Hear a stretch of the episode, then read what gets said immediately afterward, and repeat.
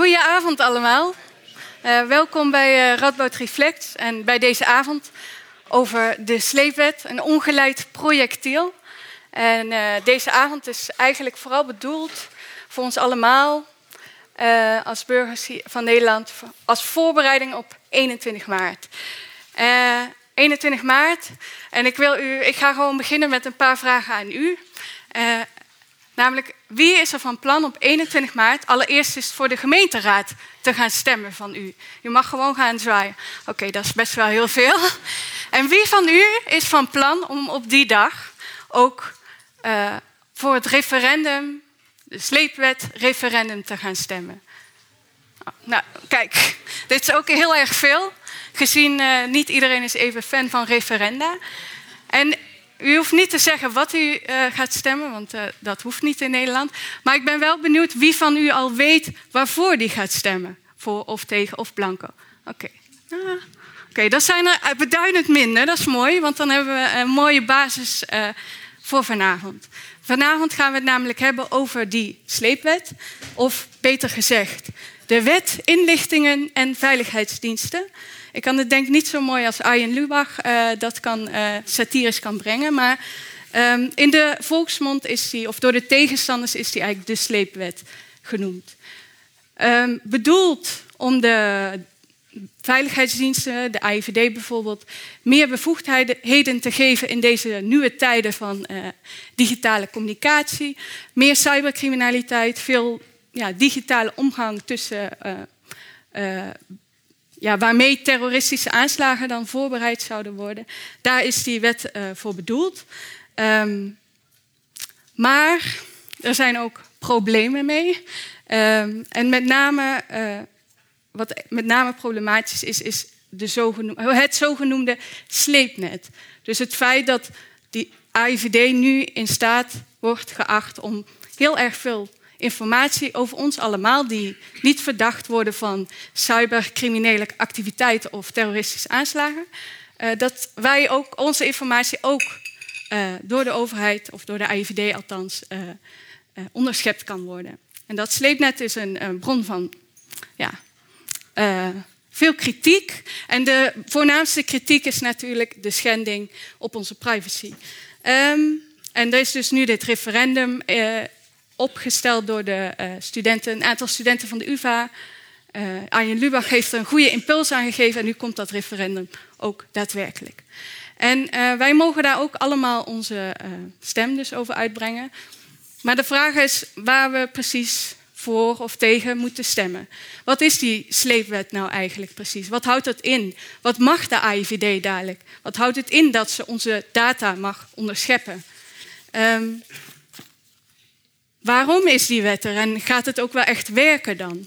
Gaat de AIVD nu allerlei terroristische aanslagen voorkomen op deze manier? En is dat genoeg reden om onze privacy te schenden? Hoe wordt onze privacy dan geschonden? Vinden we dat eigenlijk wel erg? Want ik denk dat we heel veel, heel veel van jullie ook een smartphone in jullie broekzak hebben en allerlei data delen uh, met andere diensten. Dus waarom is dat zo erg? Nou, over al deze vragen gaan wij het vanavond hebben. Uh, en dat, doe ik, uh, of dat doen we samen met uh, twee gasten die ik nu ga voorstellen. De eerste is Sven Brinkhoff, um, die staat daar. Um, hij zal de avond openen met een, ja, om ons nader in te leggen over die sleepwet. Hij is hier UD bij de faculteit Rechten.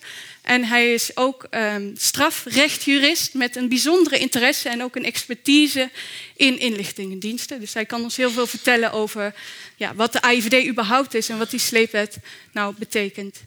Um, daarna um, is het woord aan Frank van Kaspel. Die, uh, uh, hij is cognitiefilosoof aan de Open Universiteit. Tevens is hij de, het hoofd, of de voorzitter moet ik zeggen, van de stichting e-sports in Nederland. Veel te maken dus met, digitale, uh, met het digitale net. Maar vooral, zei hij tegen mij, is hij een bezorgde burger. En daarom staat hij hier vanavond.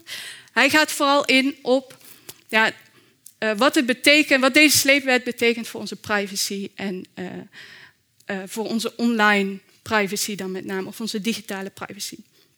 Um, ja, en dan, daarna gaan wij uh, met z'n drieën in gesprek. En dan is er ook veel ruimte voor vragen van jullie kant om uh, jullie bezorgdheid of jullie kritiek of jullie uh, nou, misschien zijn jullie wel voorstanders van deze wet, om die ook te laten horen. maar eerst het woord aan Sven.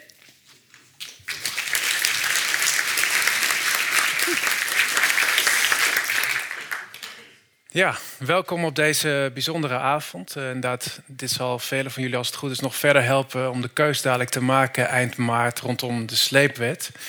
Ja, ik ben eigenlijk al geïntroduceerd. Laat ik het nog een klein beetje overdoen. U deed hier strafrecht. In 2014 gepromoveerd op een onderzoek op het snijvlak van wat de politie mag en ook hoe ze gebruik maken van informatie van inlichtingendiensten. Want je ziet steeds vaker dat informatie van inlichtingendiensten zijn weg, zijn weg vindt naar het strafproces. Nou, op dat onderwerp ben ik gepromoveerd, een boekje over geschreven. Um, en daarom sta ik hier. Um, genoeg over mij. We gaan het hebben over die sleepwet. En het gekke is, die sleepwet en het sleepnet waar iedereen eigenlijk over praat... er zijn maar drie of vier artikelen uit een, nieuwe wet... die meer dan 100 artikelen beslaat. Dus de sleepnet is een heel klein uh, stukje uit de nieuwe wet op de inlichtingendiensten 2017. Want dat is feitelijk waar we over praten. Toch is dat stukje uit die wet wel het meest controversieel. En daar gaat ook het referendum van eind maart over. Nou, wat ga ik de komende kwartier zo met jullie eh, bespreken? Allereerst is een beetje verkennen wat de AIVD doet en waarom ze de dingen doen die ze doen. Uh, dan uh, ook over praten wat de AIVD al kan, anno nu. En eigenlijk al de afgelopen 20, 30 jaar. Dat is eigenlijk al heel veel. En dan gaan we inzoomen, trechteren. Dat wordt eigenlijk een soort kernwoord in deze presentatie. Trechteren naar die sleepnetbevoegdheid. Want dat is ook hoe die hele sleepnetbevoegdheid is opgesteld. Hè. Laat ik al een inkijkje geven. Het is veel data binnenhalen en dan uiteindelijk maar heel weinig daarvan bewaren en gebruiken. Dat is in ieder geval de, de manier hoe het allemaal in de mooi van toelichtingen zo wordt opgeschreven. Maar dat is van uh, later zorg. We gaan eerst eens kijken wat de IVD allemaal doet en waarom ze doen wat ze doen. Nou, uh, Zes taken hebben ze, wettelijke taken. Belangrijkste heb ik hier op de eerste sheet uitgelicht. Is dat de IVD eigenlijk constant bezig is met het onderzoek doen naar personen of organisaties die een gevaar vormen voor onze rechtsstaat, voor onze democratische rechtsorde. En voor die taak hebben ze allerlei bevoegdheden. Maar ze doen ook bijvoorbeeld onderzoek naar andere landen. Dat zijn eigenlijk de meest belangrijke bevoegdheden die de IVD, of bevoegdheden, taken die de IVD heeft. Um, hiervoor gebruiken ze allerlei methoden om die informatie te verzamelen. Daar gaan we dadelijk over praten. Uh, het doel van dat onderzoek is om andere instanties te laten weten dat er een gevaar is. Dus de AIVD kan niet zelf mensen aanhouden. De AIVD kan niet zelf een strafvervolging opstarten. Ze hebben altijd anderen. En in het voorbeeld van de strafvervolging hebben ze altijd de politie en het Openbaar Ministerie daarvoor nodig om dat te doen. Dus de AIVD is op allerlei manieren informatie aan het verzamelen.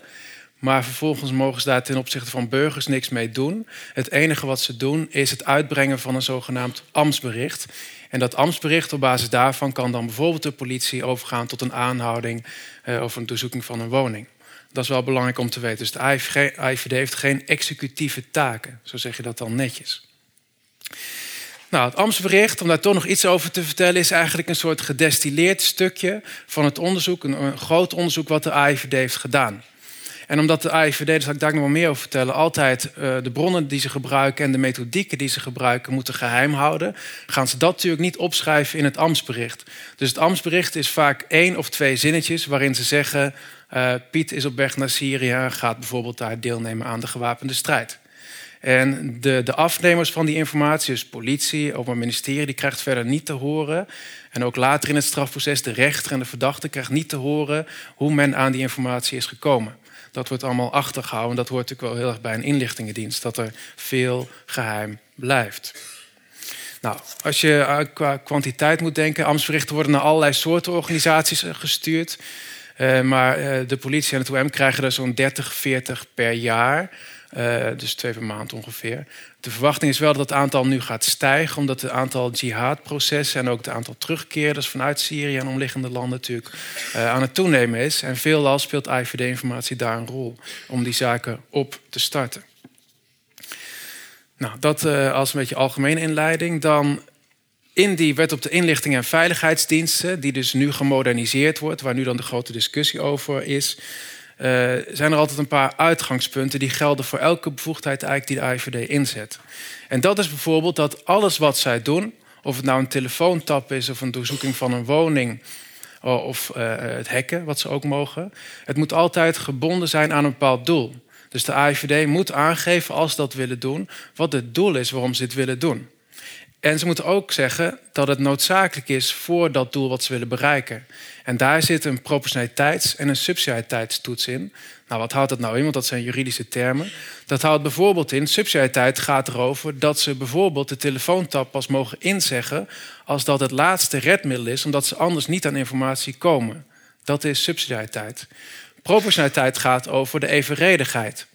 Dus de AIVD mag niet zomaar een hek gaan plaatsen als het over bijvoorbeeld plannen van een linksextremistische groep gaat die een paar netsen willen bevrijden.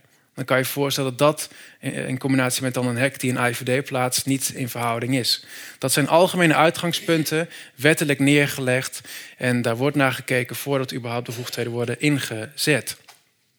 Nou, een ander belangrijk punt is dat de AIVD gehouden is om de bronnen die ze gebruiken, want dat doen ze, ze gebruiken informanten, dat kunnen mensen zoals jij en ik zijn. En ze gebruiken agenten, dat zijn meer infiltranten, dat zijn mensen die echt meegaan doen, bijvoorbeeld in een jihadistische groepering. Ze zijn gebonden op basis van de wet om ten alle tijde geheim te houden wie hun bronnen zijn. En doen ze dat niet, dan maken ze zichzelf ook schuldig aan een strafbaar feit.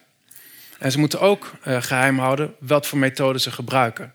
En dit is eigenlijk de kern van waarom dit een geheime inlichtingendienst is, omdat ze dit nou allemaal dus niet prijsgeven. Een ander belangrijk algemeen uitgangspunt, wat ook bij alle bevoegdheden geldt, is dat ze verplicht zijn op het moment dat zij gegevens hebben binnengetrokken, door middel van welke bevoegdheid dan ook, op het moment dat die gegevens niet meer bruikbaar zijn, niet meer nuttig zijn voor het onderzoek wat er verricht wordt, is dat ze die gegevens moeten verwijderen. En die plicht tot verwijdering zit eigenlijk nog sterker in deze nieuwe wet, eh, die er zoals het er nu uitziet vanaf mei 2017 gaat komen. Even het referendum daar gelaten. Dit zijn dus allemaal algemene uitgangspunten die gelden bij de inzet van ja, de bevoegdheden waar we eigenlijk op de volgende sheet naar gaan kijken. Want deze sheet heb ik eigenlijk erin gezet om te laten zien van wat de AIVD eigenlijk nu al kan. En het is ontzettend veel eigenlijk al. En het enige wat er nu bij gaat komen, als het er doorkomt, is dat sleepnetverhaal. Maar wat de AIVD anno nu al kan, en wat dus ook in de nieuwe wet weer komt te staan, is bijvoorbeeld een stelselmatig open bronnenonderzoek. En wat wil dat dan zeggen? Nou, bijvoorbeeld dat allerlei openbare kanalen, zoals het internet die biedt, dat de AIVD die gaat afstruinen op zoek naar informatie rondom targets, dat zijn mensen of organisaties waar zij interesse in hebben, hè, waarvan ze denken die vormen een bedreiging voor staatsveiligheid. Dat kunnen ze uh, al jaren en dat kunnen ze ook in de nieuwe wet.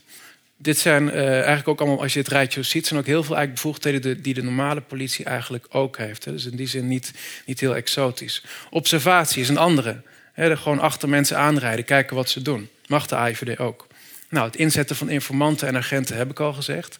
Uh, agenten lijken dan het meest op de, de infiltranten, zoals je die ook wel kent in, in het strafproces. Hè. De mensen die echt meegaan doen met nou, bijvoorbeeld een jihadistische club of een, een extreem linkse club. Uh, doorzoeken van plaatsen mag de AIVD, DNA-onderzoek, hacken mogen ze ook. Cozy Bear, wat we vorige week hadden, dat er ingebroken is bij de Russische, uh, of de Russische universiteit, die mogelijk gelinkt is aan de Russische overheid. Nou, dat mag de IVD ook. Mochten ze al, mogen ze in de nieuwe wet ook. Telefoontap mogen ze ook in de toekomst. Maar met die telefoontap komen we wel langzamerhand dichter bij het verhaal waar het vanavond echt om gaat, namelijk dat sleepnetverhaal. Want deze, die sleepnetbevoegdheid is uh, in de wet gekomen omdat de, diensten uh, eigenlijk beargumenteerd zeggen... met alleen de telefoontap, anno nu, redden we het niet. Want bijvoorbeeld, heel veel communicatie gaat niet meer via een klassieke lijn. Er wordt op allerlei mogelijke manieren ge, gecommuniceerd. Het kan via de eten gaan, het kabelgebonden kan het zijn... het kan via glasvezels zijn...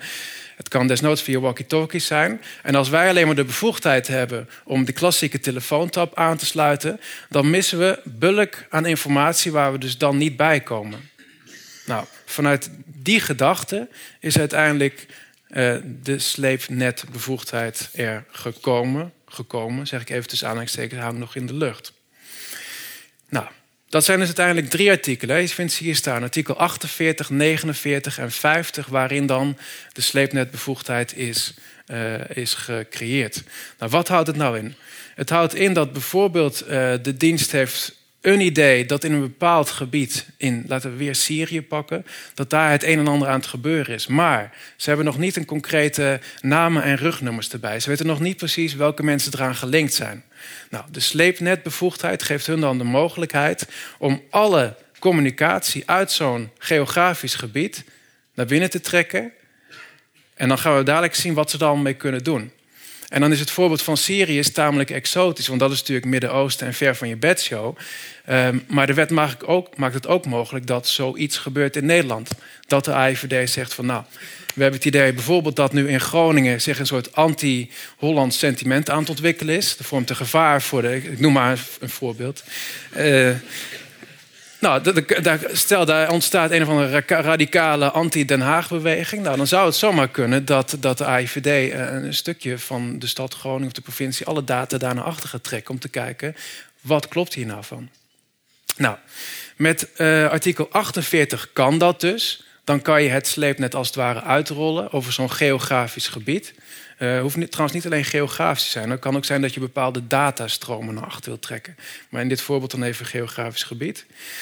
Dat maakt artikel 48 mogelijk. Dan heb je, heeft de AIVD dus die bulk aan data, noemen ze ook wel metadata, hebben ze dan naar binnen. Dan maakt artikel 49 maakt het voor ons mogelijk om de kenmerken vast te stellen van die communicatie. Dus is het bijvoorbeeld via glasvezel of is het via een walkie-talkie of noem maar op. Dat kunnen ze dan vaststellen. Uh, ook de identiteit van degene die bijvoorbeeld hebben gebeld. Hè. Welke nummers horen nou bij uh, al die communicatie. Dat maakt 49 mogelijk. En dan uiteindelijk pas artikel 50 van die wet op de inlichting en veiligheidsdiensten maakt het mogelijk om die informatie verder te verwerken en ook echt kennis te nemen van de communicatie die dan heeft plaatsgevonden. Dus dat wordt dan voorgesteld als een trechter. Hè? Dus 448 zit je hoog in de trechter. 49 ga je al meer selecteren uh, en, en de rest gooi je weg. En uiteindelijk 450 kom je uit bij het clubje waar je uit wil komen. Dat is in ieder geval hoe het is opgeschreven, hoe het zou moeten gebeuren. Nou, ik heb ook nog even artikel 60 van die WIF erbij gezet. Want dat is het artikel wat het dan ook mogelijk maakt om op grote schaal te gaan data minen. Dat is geautomatiseerde data-analyse. En dat wil zeggen, de gegevens die je binnen hebt gehaald via die sleepnetbevoegdheid, kan je weer koppelen aan open bronneninformatie, wat je op het internet vindt, informatie die je al in jouw bestanden had bij de AIVD. En dat is misschien nog wel het meest enge aan dit hele verhaal. Dat koppelen van allerlei gegevens aan elkaar. Eh, dat voelt natuurlijk wel heel vervelend rondom privacy. Maar ook wat betreft, daar zullen we misschien daar nog over praten, van ja, wat zegt het nou? wat zegt het nou als je dit brokje informatie koppelt aan dat brokje informatie? Is het dan per definitie dat iemand aan het radicaliseren is? Maar daar komen we misschien over te spreken, over dat datamining verhaal. Um, ja, waarom ook in de voorbereiding op deze uh, avond dan ben ik natuurlijk ook zelf bezig van wat vind ik hier nou eigenlijk van. Nou, dan stuit ik ik, het privacypunt zie ik, hè, maar ik heb dus ook in de voorbereiding op dit verhaal ik gewoon scherp die wet zitten, zitten bekijken. En dan heb ik ook wel moeten constateren dat er ontzettend veel controle is gecreëerd rondom deze sleepnetbevoegdheid. En daar moeten we toch ook echt even over praten, dat, je, dat jullie ook een goed beeld hebben wat, dat, wat die controle nou allemaal inhoudt. Allereerst, wil eh, de AIVD in de toekomst, als dit er doorgaat, de sleepnet gaan uitgooien, dus die bevoegdheid van 48 gaan toepassen, dan moet altijd de minister van Binnenlandse Zaken daar toestemming voor geven. De AIVD moet gemotiveerd naar de minister stappen en uh, nou, die moet het akkoord geven. Nou, voor zover je dat nog een controle van niet zo heel veel vindt, want ja, een minister die zal misschien snel toch een verhaal van de AIVD volgen. Dat uh, is denk ik een valide punt. Is er een zogenaamde toetsingscommissie inzetbevoegdheden ook bij gecreëerd. En dat wil zeggen dat die commissie, daar gaan we dadelijk over hebben uit wie die dan bestaat, die moet nadat de minister zijn fiat heeft gegeven voor het uitgooien van de sleepnet, moet voordat de IVD dat echt mag, moet die, die, die TIB, de toetsingscommissie, moet ook nog zijn goedkeuring geven. En als ze dat niet doen, mag de AIVD deze bevoegdheid niet toepassen. Nou, die toetsingscommissie moet je als het ware maar voorstellen als een soort rechtelijk orgaan. Daar zitten sowieso twee leden in die een lange tijd, uh, ook wettelijk gezien, moeten ze rechter zijn geweest, tenminste zes jaar. En er zit een deskundig lid in. En voor nu zijn dat inderdaad twee oud-rechters en eh, de directeur van Fox IT, die natuurlijk heel goed in de materie zit van uh, ja, nieuwe technologieën en data security. Dat zijn de leden van deze toetsingscommissie. Nou, voor elke stap in die sleepnetbevoegdheid, van 48 naar 49 naar 50, moet elke keer de minister voor elke stap, en ook die TIB, moet voor elke stap toestemming geven. En anders gaat het feest niet door. Nou, dus dat is een aardig opgetuigde uh, controle. Daarnaast, en dat is dan achteraf, hebben we ook de zogenaamde CTIVD. Die bestaat ook al sinds jaar en dag. En dat is de toezichtscommissie op de inlichting en veiligheidsdiensten. En die, dat doen ze al jaren, die toetsen periodiek hoe de AIVD gebruik maakt van de bevoegdheden die die heeft. Die club blijft ook bestaan, maar dat is dus toetsing en controle achteraf. Dus qua controle is eigenlijk het meest harde voor nu, wat er aan zit te komen, is die TIB. Want dat is staat los van de regering, staat los van de AIVD en is als het ware een soort rechtelijk orgaan die echt zijn fiat moet geven, moet geven anders gaat dit allemaal niet gebeuren. Nou, dan zijn natuurlijk uh, ja, de weegschalen, privacy versus veiligheid. We zullen het daar ook nog wel over hebben. Van de ene kant, deze bevoegdheid is 100% privacy schendend. Net waar die wordt ingezet gaat het ons meer of minder raken. Als het verre Syrië is of Groningen, nou, dan komt het al wat dichterbij. Maar sowieso wordt er heel veel privacygevoelige gegevens van. Ook veel mensen die niks met terrorisme, niks rondom uh, nou, iets wat de AIVD te maken hebben, dat die dienst die toch naar binnen trekt. Dat is sowieso een punt wat de privacy raakt. Ja, daar wordt dan vaak tegenover gezet de veiligheid.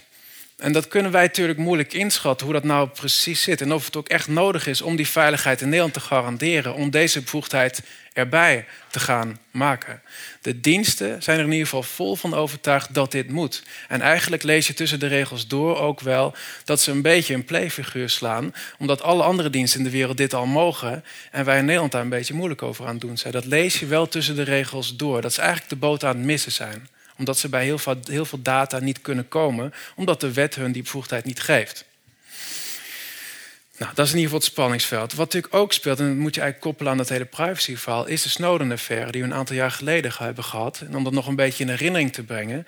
Toen kwam aan het licht door de, de onthullingen van Snowden dat de NSA dit ook deed. Op grote schaal informatie naar binnen trok, eigenlijk ook maar om het maar te hebben. En het vervolgens te koppelen hè, door middel van datamining aan andere gegevens. En zo heel veel dingen te kunnen doen. Dat is, is toen heel veel commotie over ontstaan. En eigenlijk gaat de AIVD wel op eenzelfde manier mogen werken à la NSA. En uh, dus uh, ja, precies eigenlijk wat Snowden, waar Snowden ook tegen ageerde. En dan speelt natuurlijk ook heel erg een punt van... is er nou voldoende controle? Nou, dat is eigenlijk ook een beetje toekomstmuziek. Het zal heel erg ervan afhangen, met name hoe die TIB... hoe scherp en hoe kritisch die gaat kijken... Uh, en of die bijvoorbeeld gaat, echt gaat tegenhouden als de IVD dit wil gaan doen. Of die TIB dat, dat dan gaat tegenhouden of hoe kritisch daarop is. Dat kunnen we nu nog niet zeggen, omdat het simpelweg nog niet aan de hand is. Um, ja, en dan als laatste, want dan moeten we ook door naar, Frank. Uh, wat mij betreft is eigenlijk een overkoepelend punt. Niet, misschien niet eens zozeer de hoeveelheid data die de IVD binnentrekt met deze bevoegdheid, als het er allemaal doorkomt. Maar ik vind eigenlijk het meest eng en het meest spannende is... wat gaan ze er vervolgens mee doen? De bewaartermijnen zijn ontzettend lang. Hè? Termijnen van drie jaar, van een jaar. Uh, dat, zijn, dat zijn lange termijnen. En in al die tijd mogen al die gegevens die met het sleepnet zijn eh, binnengetrokken... ja, die mogen weer gekoppeld worden aan andere gegevens. Hè? Dat datamining verhaal. Dat vind ik persoonlijk nog wel het meest enge aan deze wet. En met name ook als je denkt aan welke consequenties worden daaraan uh, verbonden. Ik heb vorige week een interview gegeven aan Fox. Daar zei ik ook van ja, stel nou je, doet een, een, een, je bent bezig met een scriptie over jihadisme. En daarvoor ben je heel veel aan het googelen op allemaal termen. En dan blijkt er ook nog iets uit je verleden. En, en de IVD op een gegeven moment komt op jouw spoor. En dan is één en één is twee. En dan kom je in één keer heel slecht eh, naar voren. En nou ja, anders bericht de deur uit, staat de politie bij jou op de stoep. Zo'n type voorbeeld. Ja, dat is een beetje waar mijn grootste angst zit. Van dat datamining verhaal. Met zulke bakken aan gegevens. Wat komt daaruit? En wat zegt het eigenlijk? Nou, dat is een begin, denk ik.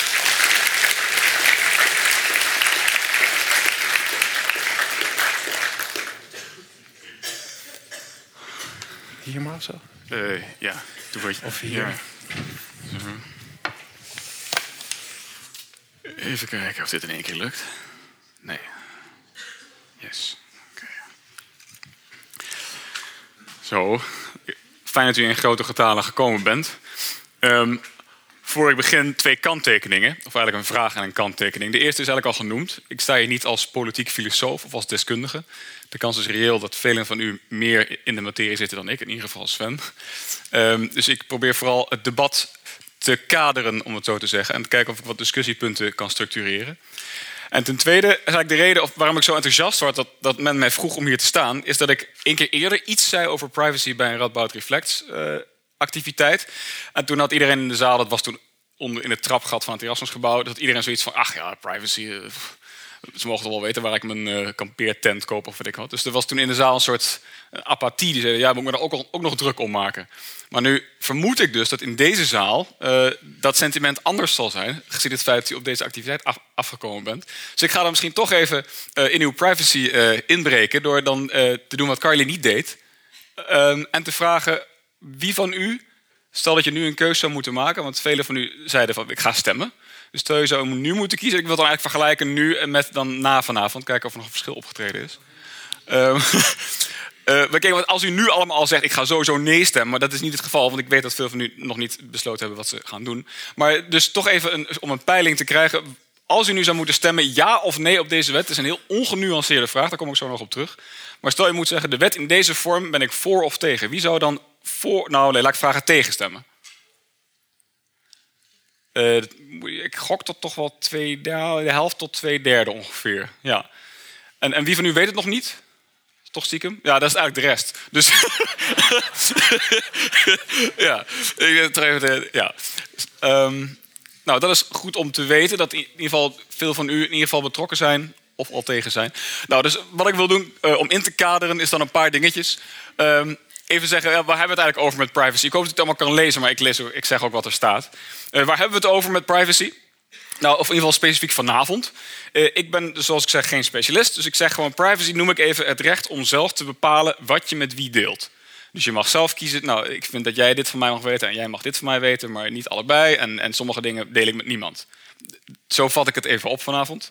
Um, en het is bovendien een mensenrecht. Iemand stuurde mij terecht een e-mail en die zei: het, is, het, is, staat in de Universele Verklaring voor de Rechten van de Mens. En daar staat: niemand zal onderworpen worden aan willekeurige inmenging in zijn persoonlijke aangelegenheden. Gezin, huis, briefwisseling, etc. Dus eh, dit is een mensenrecht, dat je, zelf, dat je niet willekeurig ingebroken wordt op jouw privéleven. Nou, je merkt dat er een bepaalde spanning meteen al zich openbaart. Um, we hebben het hier ook specifiek vanavond niet over privacy in het algemeen. Hè, wat weet Google van mij of zo? We hebben het hier over privacy ten opzichte van de overheid. Wat weet de overheid van mij? De IVD als onderdeel van een overheid. Dus toch om even de discussie te kanaliseren. Het gaat hier niet over, goh, we gebruiken allemaal Facebook. Het gaat hier over wat wil de overheid van ons weten. En er is ook een, een belangrijk verschil tussen een overheid die inbreuk pleegt op jouw privacy en een commercieel bedrijf dat het doet. En tot slot, het gaat hier ook over digitale privacy. En dat is kennelijk ook nog wel een belangrijk punt om te melden. Uh, want uh, er zijn misschien onder u ook mensen die zeggen: ja, ach, wat doe ik nou eigenlijk online? Uh, want vroeger, nou ja, laat ik dat dan maar bij het volgende punt zeggen. Wat is eigenlijk het belang van wat we hier bespreken. Wat is het belang van die privacy? Nou, een aantal dingen. Dan wil ik toch eerst even een andere volgorde aanvullen. Ik wil zeggen, het belang voor de democratie. Nogmaals, ik ben geen politiek filosoof, maar dit snap ik. En ook een persoonlijk belang. Die democratie is, dat zou ik toch op punt willen maken, die kun je niet hebben zonder privacy. Uh, hoezo niet? Ik ben niet de eerste die dat zegt. Ik heb het ook niet helemaal zelf bedacht. Um, maar je hebt in ieder geval, wil je vrij zijn om je eigen mening te vormen, zoals je dat moet zijn in een democratie, om te kunnen kijken waar wil ik op stemmen, moet je een mening vormen. En om vrij te zijn om te denken daarover en om je mening te vormen, moet je ook vrij zijn om informatie te vergaren van bronnen waar je dat wil. En als jij het gevoel hebt dat jij gevolgd wordt op het moment dat je informatie vergaart, zoals in Amerika, mensen die een anti-Trump website bezochten, die krijgen vervolgens te horen dat hun IP-adres werd opgevraagd door de Trump-regering, dan ga je de volgende keer wel twee keer nadenken van ga ik nog een keer een, uh, een website bezoeken met uh, argumenten tegen de regering, want dan kom ik in een database die de regering bijhoudt van mensen die anti-regeringsinformatie opgezocht hebben. Dat kan goed zijn dat je helemaal niet anti-Trump bent, maar dat je er toch in zo'n database komt. En dan voel je je dus beperkt in je informatievergaring. En je kunt ook niet alles zelf bedenken, dus dan ben je beperkt in je meningsvorming. En dat is toch cruciaal voor een democratie, als je het mij vraagt. Een ander punt is vrijheid van vereniging. ook iets dat een mensenrecht is. Je mag toch zelf bepalen met wie je vergadert en wat voor een clubjes je vormt. Nogmaals, als je het gevoel hebt gevolgd te worden, in een panopticon te leven, eh, dan ben je minder snel geneigd om naar de goede Facebookgroepen te gaan die je leuk vindt. Want de overheid weet bij welke groepen je je aansluit. Ook dan voel je je dus weer, er gaat een soort vorm van zelfcensuur, treedt dan op. Je gaat dingen niet doen omdat je denkt, ja, ach, moet ik dan wel doen, dan sta ik in die database. Uh, en ik moet eerlijk zeggen, ik ervaar zelf die, die worsteling al wel eens. Ik denk, goh, uh, want ik weet bijvoorbeeld dat mijn internet service provider meekijkt bij alle websites die ik bezoek. Dat moet, want de internet, mijn, mijn Ziggo of mijn KPN, zeg maar, die moet weten welke websites ze moeten serveren via mijn internetverbinding. Dus zij moeten weten wat ik opvraag. Maar goed, dat zij het al weten is één ding, maar dat een overheid het ook weet is nog weer wat anders. Dat ze het kunnen opvragen. Uh, en tot slot is nog een punt. Dit is een lijst die ik nog veel langer kan maken. Maar in ieder geval, de persvrijheid vereist ook bronbescherming. Dus als jij een pers wil hebben, een fourth estate, die de democratie in check kan houden, die een overheid kan balanceren, dan moet die pers zijn bronnen kunnen beschermen. En als dat niet kan, omdat de overheid precies weet met wie elke journalist communiceert, dan ga je wel twee keer nadenken voor je als klokkenluider naar de pers stapt. Want dan weet de overheid dat je dat gedaan hebt. Dus al deze dingen uh, vereisen privacy. En er zijn ook mensen die precies weten dat dat inderdaad uh, mutually exclusive is. Ja. Um, laatst het algemeen belang zegt, nou, voor de democratie hebben we privacy nodig, is er ook een persoonlijk belang. Dat voel ik zelf ook erg. Um, en dit is dan misschien een soort generatieding. Uh, mijn vader heeft hier bijvoorbeeld minder last van. Uh, al kan ik hem ook wel voorbeelden geven van dingen die hij niet wil dat uh, geweten worden. Internet, het was een handigheidje. Je deed je belastingaangifte en je kon sokken bestellen. Nou, prima, goed, als de overheid daar meekijkt. Uh, misschien bestel ik de jihadsokken of zo. Dat, dat slaat nergens op. Dus prima dat ze daar meekijken. Maar voor mij, en ik durf te wedden voor veel van u misschien ook wel... is internet geen handigheidje, maar een levenssfeer. Mijn meest private eigendommen, om het zo te zeggen... staan op de servers van Google. Ik wil al mijn privé data, mijn foto's, mijn documenten, mijn proefschrift in aanbouw, wil ik ergens opslaan. En ik wil het ook backuppen. En ik gebruik daar een dienst voor, Google Drive. Ja, dus uh, Google Drive of Dropbox zult u misschien gebruiken. Dat zijn dus dingen die ik niet op internet doe omdat het een handig communicatiemiddel is. Die doe ik daar als backup faciliteit bijvoorbeeld. Dus die dingen staan daar niet als uh, iets van dat wil ik met mensen delen. Die staan daar als uh, een tweede privé, of een tweede, gewoon überhaupt een privéruimte van mij. Daar staan dingen die ik met niemand wil delen. En ik maak de keus om dat op de servers van Google te zetten. Ik maak de keus om Google te vertrouwen. Maar ik kan natuurlijk niet kiezen om de overheid wel of niet te vertrouwen.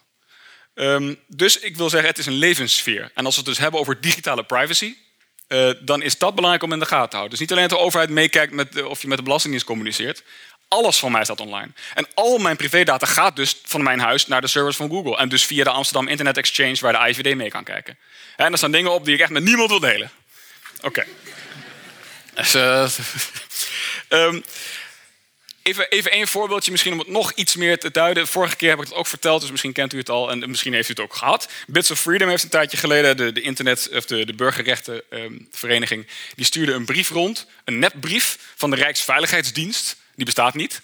Uh, en daar stond in, uh, nou, uh, er komt een nieuwe wet aan, de, de nieuwe WIF. En die krijgt, geeft de AIVD nieuwe bevoegdheden. Maar die, we zijn nog niet helemaal technisch klaar om die ook uit te voeren. Dus we moeten de afspraak met u maken dat er een monteur langskomt om een relay te plaatsen tussen uw modem en het kastje. Ja, dat kunnen we beter meekijken.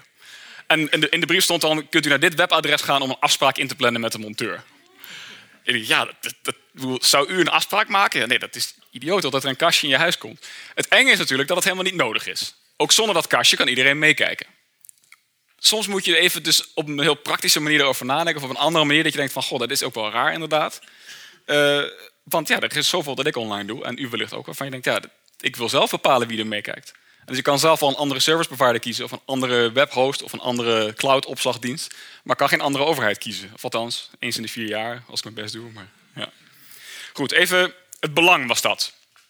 Ik hoop dat u doordrongen bent van het belang. Uh, er is kritiek. Sven heeft net ook al een paar hele goede punten genoemd, of eigenlijk de belangrijkste punten. Um, ik wil eigenlijk bij die discussie over de kritiek in de gaten houden, of in de achtergrond, de, de missie van de AIVD. Daar staat onder andere in dat ze onderzoek doen naar organisaties die een gevaar vormen voor de democratische rechtsorde. Nou, gezien het belang van privacy voor democratie, zie ik hier ook alweer een spanningsveld. Ik denk, ja, als de AIVD zelf zo'n organisatie wordt, dan krijgen we wel Orwelliaanse toestanden, zeg maar. Uh, dus hou dat even in de achtergrond, of de, in, de, in je achterhoofd. Uh, ja, waar richt die kritiek zich op? We hebben net al gezien sleepwet. Er wordt dan gesproken, en dat zal Sven zo meteen wellicht nog meer toelichten, maar over een onderzoeksopdrachtgerichte interceptie.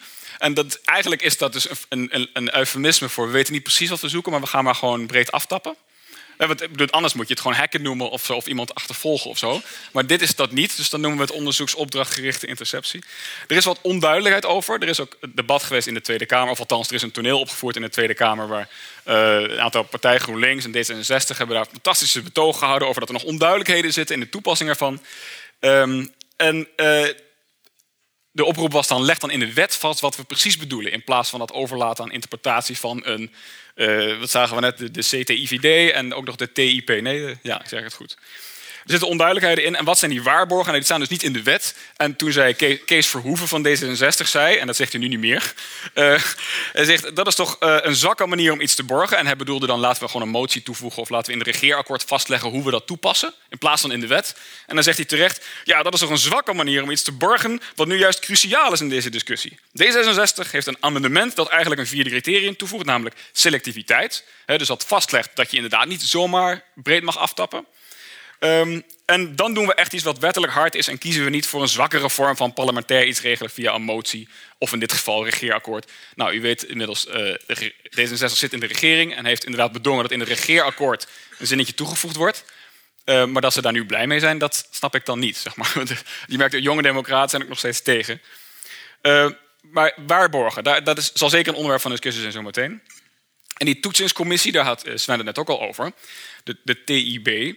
Um, de reden, dat weet u wellicht al, maar waarom de wet niet in januari al van kracht gegaan is, maar nu pas 1 mei volgens mij, is precies omdat het moeilijk was om de juiste mensen te vinden voor die TIB. Want wie zet je daar nou in? Ja, mensen met zoveel jaar rechterlijke ervaring, iemand met de technische kennis van hoe het nou aan elkaar zit. Dat bleek heel moeilijk te vinden te zijn. En nu hebben ze een aantal mensen en daarvan werden ze ook gezegd: ja, ja het is wel acht. De een weet vooral van die en de ander vooral van dat. Het was niet helemaal ideaal, maar. dus ten eerste wordt de legitimiteit van die commissie nu al half uh, onder, onder, undercut, hoe noem je dat? Uh, het wordt aangetast, zeg maar, puur al bij de aanstelling, zeg maar, dat we niet hebben. En je merkt ook hoe moeilijk het is om mensen te vinden die die, die taak zeg maar, onpartijdig en met de juiste kennis kunnen uitvoeren. En dit zijn ook mensen die aan hebben gegeven met enkele nuances, maar wel voorstander te zijn van, van deze wet of van deze, deze nieuwe middelen die de IVD krijgt. Zeg maar.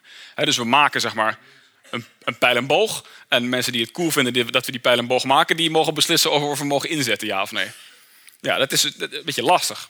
Dus dat is lastig, ja. Um, en de vraag die zeker ook nog te sprake moet komen, werkt het wel? Want onderdeel van die Snowden revelations was voor mij ook het idee dat ja, als je meer data hebt, dan heb je meer werk, maar niet per se meer veiligheid. En je creëert gewoon een enorme hooiberg. En het idee van, oh, Groningen zitten separatisten, we gaan gewoon al het Groningse WhatsApp-verkeer aftappen. Ja, dan krijg je zoveel data dat kost heel veel geld en heel veel tijd en heel veel mankracht om te analyseren. Terwijl je kennelijk al een idee had. Je had kennelijk al een concrete aanleiding dat er separatisten zaten. Waarom ga je die niet volgen? Zet je geld in op mankracht om de, de, traditionele middelen in te zetten. Of om gericht te hacken, want dat mag dus ook. Hè. Je mag precies weten met wie die allemaal communiceert. Je hoeft niet te weten met wie heel Groningen communiceert. Belangrijk punt. Uh, en het debat, ja, dit is te klein om te lezen, excuus. Maar het, debat verdraait een beetje, vooral de voorstanders in de politiek althans, en voor zover ik het meekrijg, zijn vaak wat ongenuanceerd. Als je het mij vraagt, dan de tegenstanders zeggen vaak, ja, nieuwe wet moet er komen, zijn we het mee eens, alleen bepaalde punten zijn gevaarlijk, daar moeten we aanpassingen op hebben. We hebben amendementen op de wet, waar we verder voorstander van zijn. Maar dan wordt er gezegd, ach, eh, die tegenstanders die willen allemaal in het stenen tijdperk blijven en die zijn tegenstander van de wet. En dat wordt snel onder één kam gescheerd. En uh, Rutte zegt dan, hij wil af van het idee dat het uitbreiden van de bevoegdheden van de diensten ten koste moet gaan van privacy. Nou ja, Sven zei net al, die bevoegdheden gaan ten koste van de privacy. dus dat is overduidelijk dat dat zo is. Het debat moet gaan over, vinden we het dat waard? Is die inperking van privacy de moeite waard? Kunnen we daar inhoudelijk debat over hebben? Maar nee, hij wil van het idee af dat het überhaupt sprake is van inbreuk op privacy. Uh, en daar Rob Bertolet, de, de directeur-generaal van de AIVD, uh, die zegt ook, op, of ja, bij monden van hem werd op de website van de AIVD gezegd... Uh, dat de AIVD niet is geïnteresseerd in gegevens van mensen die niets met onze onderzoeken te maken hebben en geen direct gevaar vormen voor de nationale veiligheid. Die maken het onderzoek noodloos ingewikkeld. Ja, maar waarom verzamel je al die gegevens dan? Ja, het is, uh, dus het is enerzijds ah, het valt allemaal wel mee enzovoort. Maar er is wel degelijk hier sprake van privacy-inbreuk. Um, nog een paar puntjes en dan rond ik af. Ja, moet ook, ja, wat gebeurt er in het verzet? Nou ja, um, 21 eh, maart is er een referendum. Um, dat is, uh, komt eraan en dan op 1 mei treedt dan die wet in werking, als dan inderdaad de boek compleet is. Uh, en in 2021 is een nieuwe regering en die gaat een nieuw regeerakkoord schrijven en dan wordt de wet anders geïnterpreteerd. Dat is het uh, tijdspad op dit moment. referendum, dit gaat de vraag worden. Dus kunt u zich vast voorbereiden. De vraag gaat dus worden, bent u voor of tegen wet op de inlichting en veiligheidsdienst in 2017? Ja, dat is zoals zegt vrij ongenuanceerd. En als tegenstander van die bepaalde onderdelen van de wet heb je dus geen keus anders dan tegen de hele wet te zijn. Dat is, ja, dat is, ik kan me ook voorstellen, je kunt moeilijk een veel complexere vraag in zo'n referendum stellen, maar het is dus überhaupt een beperkt middel, zo'n referendum.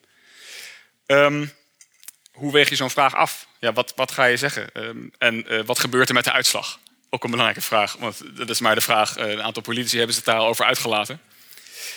Um, er zijn allerlei tegenstanders. Uh, de, de komende tijd zult u wellicht, of hopelijk, of uh, als het goed is, ook wat merken van die tegenstanders. Want uh, er zijn allerlei subsidies verstrekt aan partijen die campagne willen voeren in het kader van het referendum.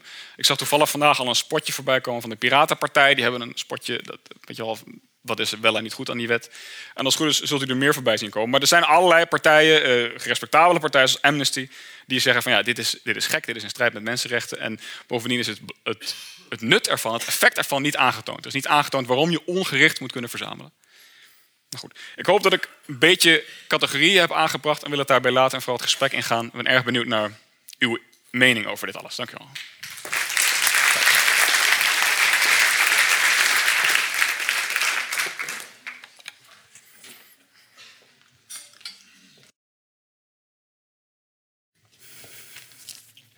Goed, ja. Oh ja, wacht, ik moet even... Die had jij hè? Ja. Hm. Zo. Ja, um, ben ik al? Ja, ik ben verstaanbaar. Ja, allereerst allebei uh, dank jullie wel voor, voor, jullie interessante lezingen. Volgens mij hebben we al een heel mooi palet aan uh, informatie en ook aan met name kritische punten over deze wet. Um, we gaan daar nu uh, verder over praten. Ik wil, wil eerst uh, even het gesprek openen uh, met jullie. En jullie kunnen ook op elkaar reageren. Mochten jullie al hele prangende vragen hebben, gooi ze er vooral in. Maar aan het einde van dit gesprek komt er sowieso ruimte voor. nou, jij hebt net al wel een beetje ook de peiling onder, de, onder ons publiek naar boven gehaald. Dus um, ik ga beginnen met een vraag um, die misschien de voorstanders wat beter onder uh, het voetlicht kan brengen.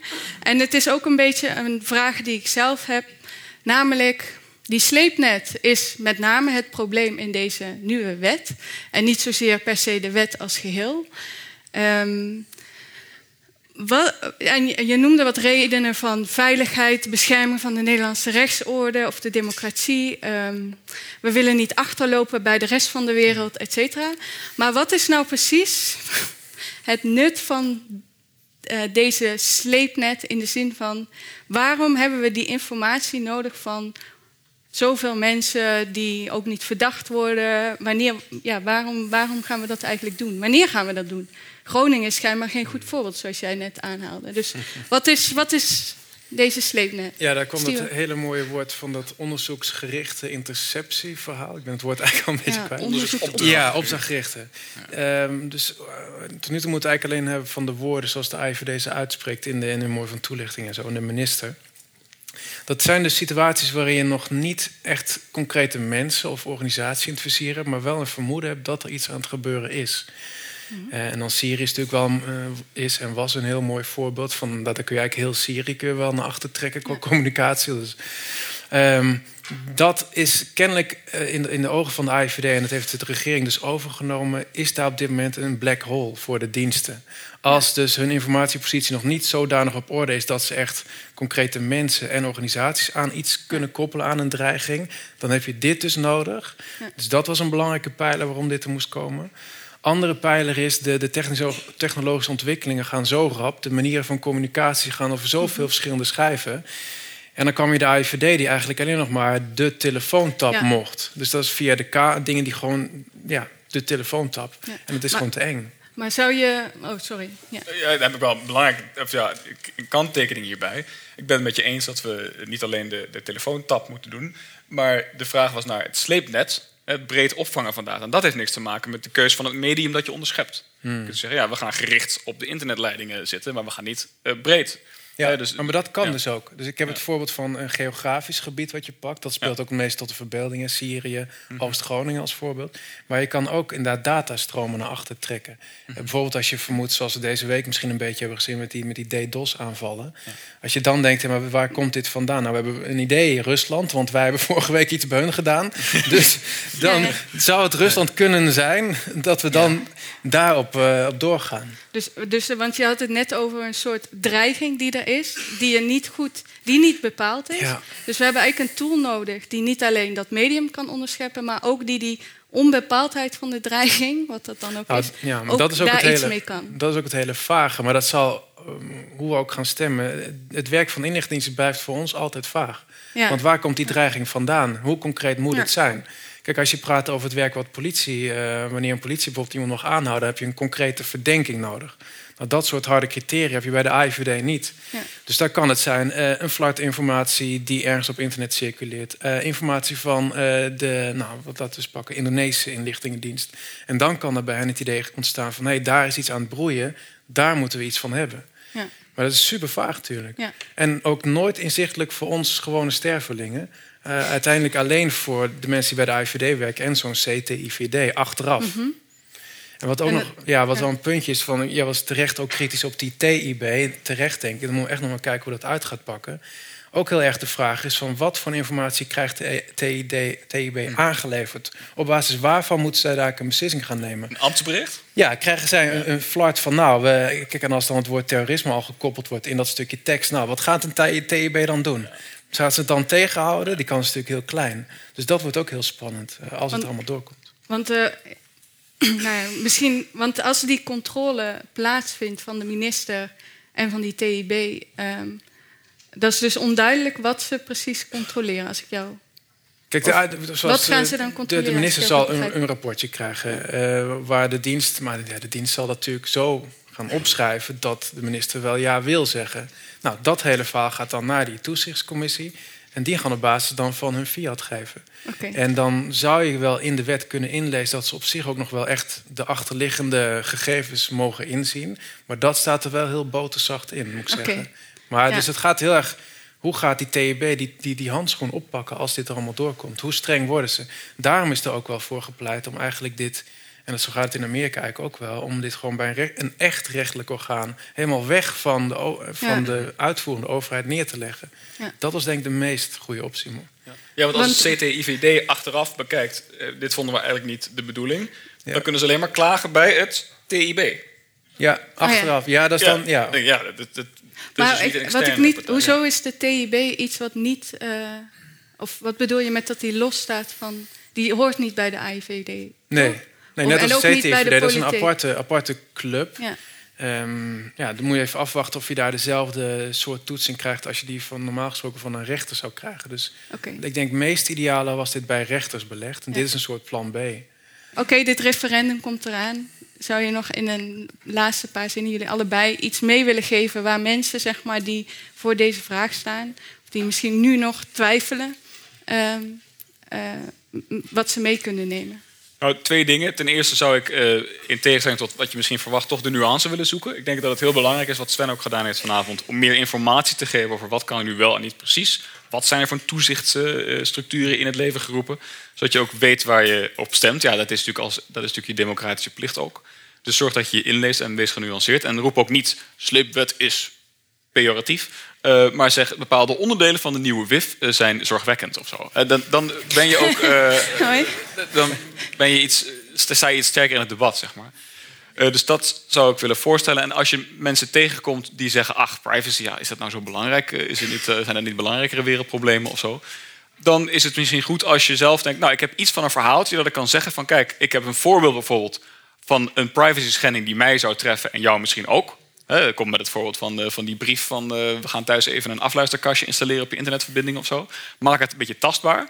Eh, en misschien dat je een soort argumentje hebt van waarom is het wel erg als je privacy aangetast wordt. Misschien nu niet, of misschien de dingen die je nu online doet niet, of misschien de overheid die nu meekijkt niet erg, maar misschien straks. Dat je een soort argument hebt van waarom is het eigenlijk überhaupt van belang dat je privacy hebt, zeg maar. En ik denk als je met nuance en met dat soort argumenten uh, mensen benadert, dat je snel meestal dan zal vinden om zeg maar, tegen de wet in de huidige vorm nee te zeggen. Sven? Ja, ik, ik, zie dus, uh, de, de, ik kan de, de, de, de, de, waar, de, waar de inlichtingen vandaan komen, waarom ze dit willen, kan ik wel goed snappen. Maar ik zou als land denk ik heel erg strijden voor de democratische controlemechanismen. En die moeten we misschien meer versterken. En dan dit als land toch maar wel doen. Maar wel met meer democratische controlemiddelen dan dat we nu hebben. En dat echt goed verankeren. Ik denk dat je dan eh, de beste slag slaat. Oké. Ja, heel erg dank jullie wel. Uh, Frank, Sven, voor jullie praten, voor jullie bijdrage aan de discussie. Graag een applaus. Oké, dank.